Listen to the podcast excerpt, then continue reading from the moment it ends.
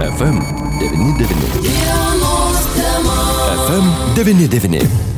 Bičiuliai studijoje prie mikrofono Liudas Ramanauskas ir štai kartais saulė, kartais lietus, o kartais laukime tikro pavasario, o balandžio mėnesio pradžia dėja jo nekvėpėjo, bet užtat kovo porą savaičių buvo saulėtos, šiltos ir pasirodo sausiausias. Tad apie tai mes šiandien ir pakalbėsime su rašančiu, kaip save pristato meteorologų Gyčių Valaika. Gyti, laba diena. Labą dieną. Na, kas gali pasakyti, kodėl tokios orų permainos, jo lab, kad štai ir Lietuvos hidrometeorologijos tarnyba paskelbė, jog praėjęs kovas buvo sausiausias net net nuo 61-ųjų praėjusio šimtmečio metų. Taip, tikrai buvo kovas labai neįprastas, buvo labai labai sausa, buvo labai labai saulėta. Na ir tas gal mm, patikslinsiu šiek tiek, kad nuo 61 tai tiesiog imant duomenis nuo 61 buvo sausiausias, bet Taip. pasižiūrėjau į Vilniaus meteorologijos paties duomenis, kurie yra nuo 19 amžiaus pabaigos tai galim netgi sakyti per visą stebėjimų istoriją, tai buvo sausiausias mėnuo, iš tikrųjų, nebūtų didelio melo, taip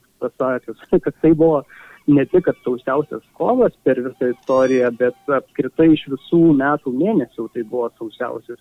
Taip, nes... Mėnuo, nes iki šiol buvo sausiausias e, irgi visai neseniai užfiksuota 2019 metų balandis buvo sausiausias mėnuo, bet vat, pagerinom rekordą. Bet tas rekordas, žinot, mane nustebino, 1,2 mm, ar ne? Sunkiai įsivaizduoju. O Alitaus, va tarkim, meteorologijos pati, kadangi alitiškiai klauso daugiausiai ir aplinkui, aš pats esu alitiškis, tai Alitoje, Alitaus automatinė meteorologijos patyje, čia prie mm, pirmam Alitoje, prie Taip. aerodromo yra meteorologijos stotelė, tai išmatavom 2,8 mm, tai yra mažiau negu dešimtadalis kovo mėnesio kiekio, tai yra labai labai mažai. Taip, mes kalbam būtent apie milimetrus. Gyti, užsiminėte apie metrologinę stotį, kuri yra čia pat Lietuvoje, pirmajame Lietuvoje. Ir kokiu principu veikia? Kaip jūs tą informaciją gaunate, nes po to meteorologai, ko gero, jie nustato savo prognozes. Aš suprantu, kad šiais laikais čia ir kosmosas įsijungia, ir palidovai, ir visa kita, bet vis dėlto ir Žemė esančios stotis, jos tam tikrą informaciją siunčia jums. Taip, taip, Tai galbūt reiktų paminėti, nes esu aš net visą tekstuką apie tai parašęs. Taip. Kaip sakiau, rašantysis meteorologas esu, tai teko domėtis, man pačiam įdomu nuo mažens buvo, tai aš pasidomėjau ir apie Alitaus meteorologijos stotį, tai galim sakyti, kad Alitaus apylinkėse tie Alitoje konkrečiai matavimai vykdomi beveik šimtą metų, nes meteorologijos stotis buvo 28 metų pabaigoje įkurta, o vat kaip tik dabar, vat 22 metų balandis yra 10 metų, kai pamatinė meteorologijos stotis, tai kaip ir galim sakyti, va šiom dienom sukaktis dešimtmečio. Dešimtmečio, tai. Automatiniai meteorologijos stočiai, tai, tai, tai vat, o joje matuojami tokie e, dalykai kaip temperatūra, santykinės oro drėgmės, kritulių kiekis, jų intensyvumas, sniego dangos duomenys eina į tarnybos e, serverius kas valandą. Tai vat, bet jinai m, mm, būna kartai žmonės sako, sudaro svetainę MeteLT, čia mūsų tarnybos pagrindinė. Taip, taip. Sako, kodėl, vat, tarkim, nerodo, nu, kokie konkrečiai tiksliai orai ten ar debesėlis, ar saulytė. Tai galiu pasakyti, kad Lietuvos meteorologijos stotis nėra visiškai pilna vertė, jinai yra nu, tokia paprasta, tiesiog stotelė, o va tokie, kur pil, pilna stotis, pilnus visus matavimus lieka tai Varėna, Kaunas, va, Vilnius yra stotys, Kibartai, o Lietuvoje yra tokia paprastesnė meteorologijos stotis. O kodėl gyti taip nuskrustas Alitus, nes, na, Varėnoje yra, o štai Dzukijos sostinėje nėra tokios stoties, kuri galbūt galėtų ir tą tikslę informaciją informaciją. Štai aš, pavyzdžiui, dabar atsidarau e, eismo info, na, puslapį, pas jos irgi yra tos e, stotelės, kurios, e, na, parodo ten ir rasos tašką, oro temperatūrą, beje, druskininkose dabar 13,5 laipsnių šilmos, vėjo greitį ir taip toliau. Tokios stotelės, pavyzdžiui, Alitoje mes neturime. Eismo info tai orientuota į kelius ir pagrindė tos stotelės visada būna kažkur užmiešiuose, bet mes irgi taip. turim tuos duomenys, jie irgi, nu, aišku, vertingi pasižiūrėti, turim, aš pats matau ir galiu atsidaryti Bet va, su, kalbant apie tą pasirinkimą vietovės, tai lemia šiaip daug priežasčių. Mm, Alitus šiaip niekada ir neturėjo tos tokios tikros stoties, visada Alitus turėjo arba paprastąją stotį, va dabar automatiniam tai šiek tiek išsiplėtė negu anksčiau, kai buvo stebėtoje dirbo, galbūt net ir seniau teko kalbinti. Taip, taip, taip. Metų buvo stebėtojai, po to jau galų gale automatika nugalėjo žmogų, nes automatika viską gali atlikti vis tik. Ir tiesiog tai būna pasirinkta, kad e, vietovė turi kuo didesnį plotą teritorijos reprezentuoti. Alitus vis tik yra, kaip žinia, miestas Nemono slėnyje. Alitus, aš taip sakau, nuo mažens aš taip sakau, Alitus yra duobėjai. Tai, tai jis vis tik mm, toks labai kontrastingas miestas. Aš, pavyzdžiui, gyvenu Likiškėliuose prie Vitsgirio iki ir mm, tą nuo mažiuko pastebiu meteorologiją domiuosi ir labai tie dideli skirtumai. Aš, pavyzdžiui, pas mane dažnai vėjas pučia čia Likiškėliuose Vėlių gatvėje, šalčiau būna, o vos tik nuvažiuoju žemyn į centrą mm, ir iš karto bent kokiu vienu laipsniu yra šilčiau, jokio vėjo, galima sakyti, nebūna. Tai čia tie tokie mikroklimatiniai labai veiksniai alikai suveikia ir iš esmės mm, tai tas patis, jeigu jinai būtų atliktų pilnus matavimus, tai nu, ne visai gerai galbūt reprezentuotų, nes Nelabai objektyviai būtų informacija. Taip, taip. Miestą ir, ir slėnį, galima mhm. sakyti. Mm -hmm. Tai nėra tokia, nelabai tikslinga būtų labai ją plėsti. Taip, beje, gyti, jūsų žodžius patvirtina ir štai kelininkai, kurie kelius tvarko, ar ne, ypatingai žiemos metu, tai jie sako, mes jau žinome, kur mieste gali būti visiškai vienokios sąlygos keliuose, o štai tam tikrose Vitsgirių mikrojono atkarpose ten visada garantuotas plikletis bus. Tai galima iš esmės suvesti visą tai, kad iš tikrųjų toks mikroklimatų padrapstimas yra Lietuvoje ir čia Nemonas turi didelę įtaką, ko gero, ir ta duobė, kurioje, kaip sakote, mūsų miestas yra iš kitos pusės, gal galbūt tai apsaugo nuo tokių neipatingai malonių gamtos reiškinių? Kaip tai galbūt sakyčiau, aš kaip sakau, galbūt net visą tekstą ateityje parašysiu, nes tikrai aš ir su profesoriais esu kalbėjęs, studijavau šešis metus meteorologiją, tai apie Alytų esu pasakojęs, nes aš pats gyvenu aukštai ir matau iš esmės ir dabar visą miestą kaip ant delno, aštuntam aukštai gyvenu ir, ir yra tų tikrai tokių labai įdomių dalykų ir su krituliais, ne tik temperatūra, vėjai ir teršalai augalai konkrečiai vat, tenka šaltuoju metų laiku pastebėti, kad vis tik, tarkim, pas mane ant kalno taršos dažniausiai būna mažiau negu mieste.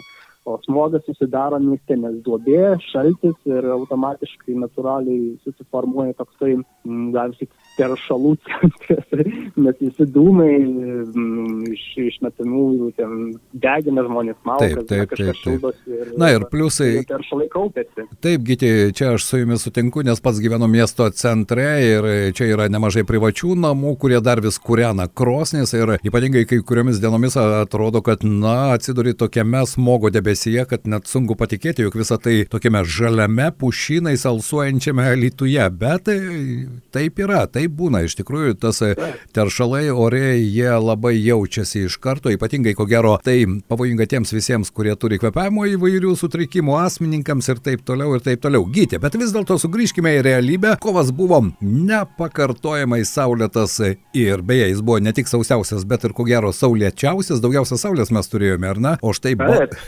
irgi rekordas taip. buvo saulėčiausias, galim sakyti, irgi per visą modernių matavimų stebėjimų istoriją. Tai buvo saulėčiausias mėnuo iš kovų visų ir netgi lenkė balandžio vidurkį daugiametį, tai iš esmės daugam susidarė toks klaidingas įspūdis, kad uh, vos ne jau čia pavasaris atėjo ir daugiau neišėjai.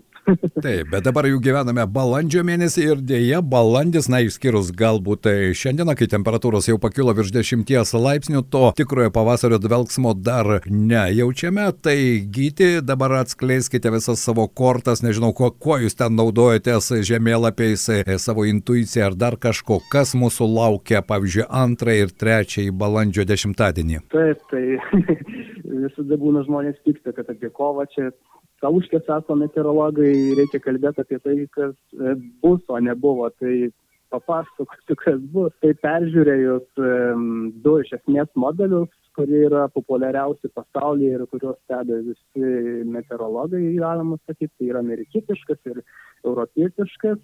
Amerikietiška skaičiuoja šiuo metu, kad balandis bus šiek tiek vėsesnis, o kritulių turėtų būti šiek tiek daugiau už normą. Europietiškas jau šiek tiek, šiek tiek skiriasi, bet aišku, tai pavasarį būna. Europietiškas skaičiuoja, kad ta balandžio pirmoji pusė, nu, vat, maždaug iki vidurio bus šaltesnė, nu, va, tą ir matom iš esmės. Taip kad taip yra vėsiau, o antroji pusė jau turėtų būti šiltesnė, o kritulių kiekis maždaug artimas normai. Nu, tai kitaip sakant, tokia pirma šaltesnė pusė ir drėgnesnė, antra turėtų būti tokia artimesnė normai, nu ir jau šiltesnė. Tai lyg šį mėnesį negrėsia kažkokiam sausrom, turėtų palyti, aišku, tų kritulių pavasarį šiaip būna labai nedaug, tai nu, krituliai nemaišo, bet taip, nes... kol kas ne, taip netrodo, kad bus labai sausa. Na, čia e, negera žinia dar daržininkams ir sodininkams, kuriems dabar jau pats darbymetis jau prognozuoja ir visi įmanoja, žemė sausa, kovas viską išdžiovino balandį, kritulių irgi nėra, sinoptikai žada, po to meluoja ir taip toliau. Na, o, o žemės, žemės dėja, drėgmės jau trūksta, bent jau taip sako mano keli pažįstami, kurie teigia, jog reikia laistyti, jau reikia, nes kai kas jau pasodinta. Taip, bet reiktų turėti galvoj, nes irgi žmonės būna, sako, labai sausi pas mane, kitas sako, pas mane dar sniegas sniego yra. Tai ypač šį pavasarį labai mm, žmonės tą turėjo pastebėti, jeigu turi giminių priešingam Lietuvos kampelį, tai kad, nu, pavyzdžiui, švenčionys labai ilgai sniegas galėjo ir purvinai buvo, va, tarkim, suvalkyje sausų buvo ir, ir ten nu, dulkių audros, galima sakyti, kilo nuo dirbožinio vėjas pūtė sausą paviršių ir dulkės nešiojasi. Tai nereiktų visada, kaip sakyti, savo kiemo principų taikyti e, ant visos Lietuvos. Aš aš visada tą pabrėžiu kaip meteorologas, kad, nu, nežiūrėkim į visą Lietuvą tik per savo kiemą, tai, nu, lab, jeigu pas mane labai sausa, tai nereiktų sakyti, kad visur sausa. Tai irgi ir šiuo atveju nėra visur taip vienodai, nes ir dirbožinio pobūdis skiriasi ir, ir dar tas sniegas yra vietų, kur dar tik neseniai buvo ištirtas arba vat, vakar m, mm, buvo prisnigta šiaurės Lietuvoje 4 cm, alitui. Nei vieno. Snaigės, bet kažko nieko ne, nepavyko susikaupti žemės. Tai taip, taip, taip. Ir ypatingai tai tie, kurie ryto valandomis vakar važiavo, tai visa, galima sakyti, centrinė ir šiaurinė, rytinė Lietuva ten sniegu buvo padengta, o pas mus, na, ten pasisukiojo keletas snaigių ir nieko nebeliko. Kartais, e, gyti, štai atrodo atstumai tokie nedideli, elitus druskininkai, bet pasižiūrėjau temperatūrų skirtumai, ypatingai ryto valandomis, o aš priverstas anksti į darbą ateiti 6 val. ryto pasižiūriu ir kartais tie temperatūros skirtumai būna 4, netgi 5 laipsniai. Kas tai lemia? Nors druskininkai prie Nemuno ir mes prie Nemuno, na, mes galbūt duobėjai, jie galbūt mažesniai duobėjai, bet jūs esate specialistas, kaip tai galima paaiškinti? Šiaip geras pastebėjimas iš tiesų ir aš irgi tą esu pastebėjęs ir mm, druskininkai bent jau va šiuo metų laiku pavasarį iš tikrųjų yra tas va pietinis kampelis pats šilčiausias tokiu metų laiku balandį va maždaug kovą grinai tikrai yra šilčiausi lyginant va tarkim net ir su alytum būna va tokių vienu dviem laipsnių šilčiau druskininkuose. Tai čia irgi pavasarį dėl cirkuliacijos gali lemti aišku mikroklimatiniai druskininkai irgi labai miškingas nu irgi tam tikra prasme irgi kaip ir Nemuno slėnio ribose yra, tai, tai vat, tas toksai kratinys visokių nėra dažniausiai vieno faktoriaus, kuris kažką va, taip nulemtų. Tai yra sudėtinis dalykas, va, sakau, yra lytojama irgi. Gal kažkam gali atrodyti vienaip, man kitaip, nes aš sakau, aš gyvenu likiškėliuose ir čia tikrai vėjas pučia daug dažniau ir daug stipriau taip. negu centre. Gydė, gyvenate aštuntame aukšte, bet matote kur kas plačiau. Tai aš noriu jūsų paprašyti, kad laiks nuo laiko, kadangi esate rašantis meteorologas, kad e, savo rašinius galėtumėte ir mums atsiųsti, mes galėsime pasidalinti su mūsų klausytojais, pabendrauti, pasidalinti jūsų išvalgomis, nes nebejoju, kad kas, kas, o jau orai, tai iš tikrųjų aktuali tema bet kuriais metų laikais. Ar galime susitarti su jumis? Galit manau, galit. Kągi. Taip. Malonu. ne visada būna kažką labai naujo papasakoti. Taip, bet šiandien jau... Pa... Vis tiek surandate. Taip, šiandien papasakojate, kad tai iki balandžio vidurio dar bus nei šiaip, nei taip, po to bus šilčiau, kritulių norma, vadinasi, kovo mėnesio kompensacijos nesulauksime, taip galima sakyti drėgmės, bet reikia pasidžiaugti tuo, kas yra. Ir dar vienas klausimas mūsų pokalbio pabaigoje. Nerimo daug, karas Ukrainoje. Štai ar tie veiksmai, o ten sproksta tūkstančiai bombų, raketų, kitų sprogmenų, tai kažkiek keičia ir, pavyzdžiui, oro švarą, meteorologijai tai įtaka kažkokia turi ar ne? Štai tokie veiksmai, kurie atrodo, na, kažkaip per Baltarusiją ir Ukrainą jau. Taip, tai esu apie tai irgi rašęs, aš kaip sakyti, esu meteorologas ir pagal darbą, ir pagal hobį. Tai turiu dvi Facebook'o paskyras, tai vienoje, kur apie hobį, orai ir klimatus Lietuvoje irgi esu rašęs apie Ukrainą ir taršą. Tai buvo čia toksai kalbų tokių kėlė, kad e, daug sprogdina, daug dūmų ir, ir tuos dūmus tą neša, radiaciją neša į Lietuvą. Tai tą iš karto aš paneigiau, nes tiesiog tokiu metų laiku ištirpus sniegui labai žmonės tose kraštuose degina žolę. Vyresni žmonės turbūt prisimena ir Lietuva prieš kokį 30 metų labai buvo madoj pavasarį viską padegti, išdeginti ir, ir po to Sako, žemė kažką ar, taip, taip, taip. visai žolės vos nepjovimo. Tai mes pabaltijos, nu, trys Baltijos šalis šito dalyko beveik atsikratėm ir iš palidovų tą labai gražiai matau, kaip mes, nu, galim sakyti, vakarėjam tiesiog, net matosi iš palidovo, kaip tampam vakarų Europos dalim iš tikrųjų ir mentaliteto prasme. O vat dėja Rusijoje, Baltarusijoje ir netgi Ukrainoje tas prevencija, kad nedeginkit žolės ir, ir panašiai nu, ten netaip aktyviai turbūt buvo vykti visą tai daroma ir pavasarį visada kyla tie gaisrai, žmonės degina žolę ar pasėlius, galbūt ten, kur apžėlė, gal ir tų dūmų labai daug būna ir ta tokia vietinė tarša kyla ir, ir, ir būna kartais atneša ir iki Lietuvos dūmus, bet va, kai buvo praėjusios savaitės, tai tikrai buvo ten ne iš, ne iš Ukrainos ir tikrai ne, ir ne dėl karo. Aišku, šiek ir karas sukelia, bandžiau žiūrėti iš palidovo, kur konkrečiai, tarkim, dūmai dėl taip, karinių taip. veiksmų, tai ta dalis tikrai labai nedidelė yra. Mhm. Vyrauja iš esmės žolės dūmų, dūmai. Supratau, nes kartai žmonėms kila įvairių tokių įtarimų ir e, labai ačiū Gyti, kad e, pasidalinote savo žiniomis ir savo išvalgomis. Ačiū šiandien už informaciją, tikiuosi, kad laiks nuo laiko mes galėsime jūs pakalbinti ir pasidalinti jūsų žiniomis su mūsų klausytojais. Ačiū labai. Prašom, geros dienos. Geros dienos, Gytis Valaika, Litiškis, kaip jis sako, meteorologas pagal pašaukimą ir pagal profesiją ir dar rašantis. Šiandien mums papasakojo, koksgi buvo kovas ir koks balandis mūsų laukia dienos kaleidoskopo programoje. FM 99. FM 99.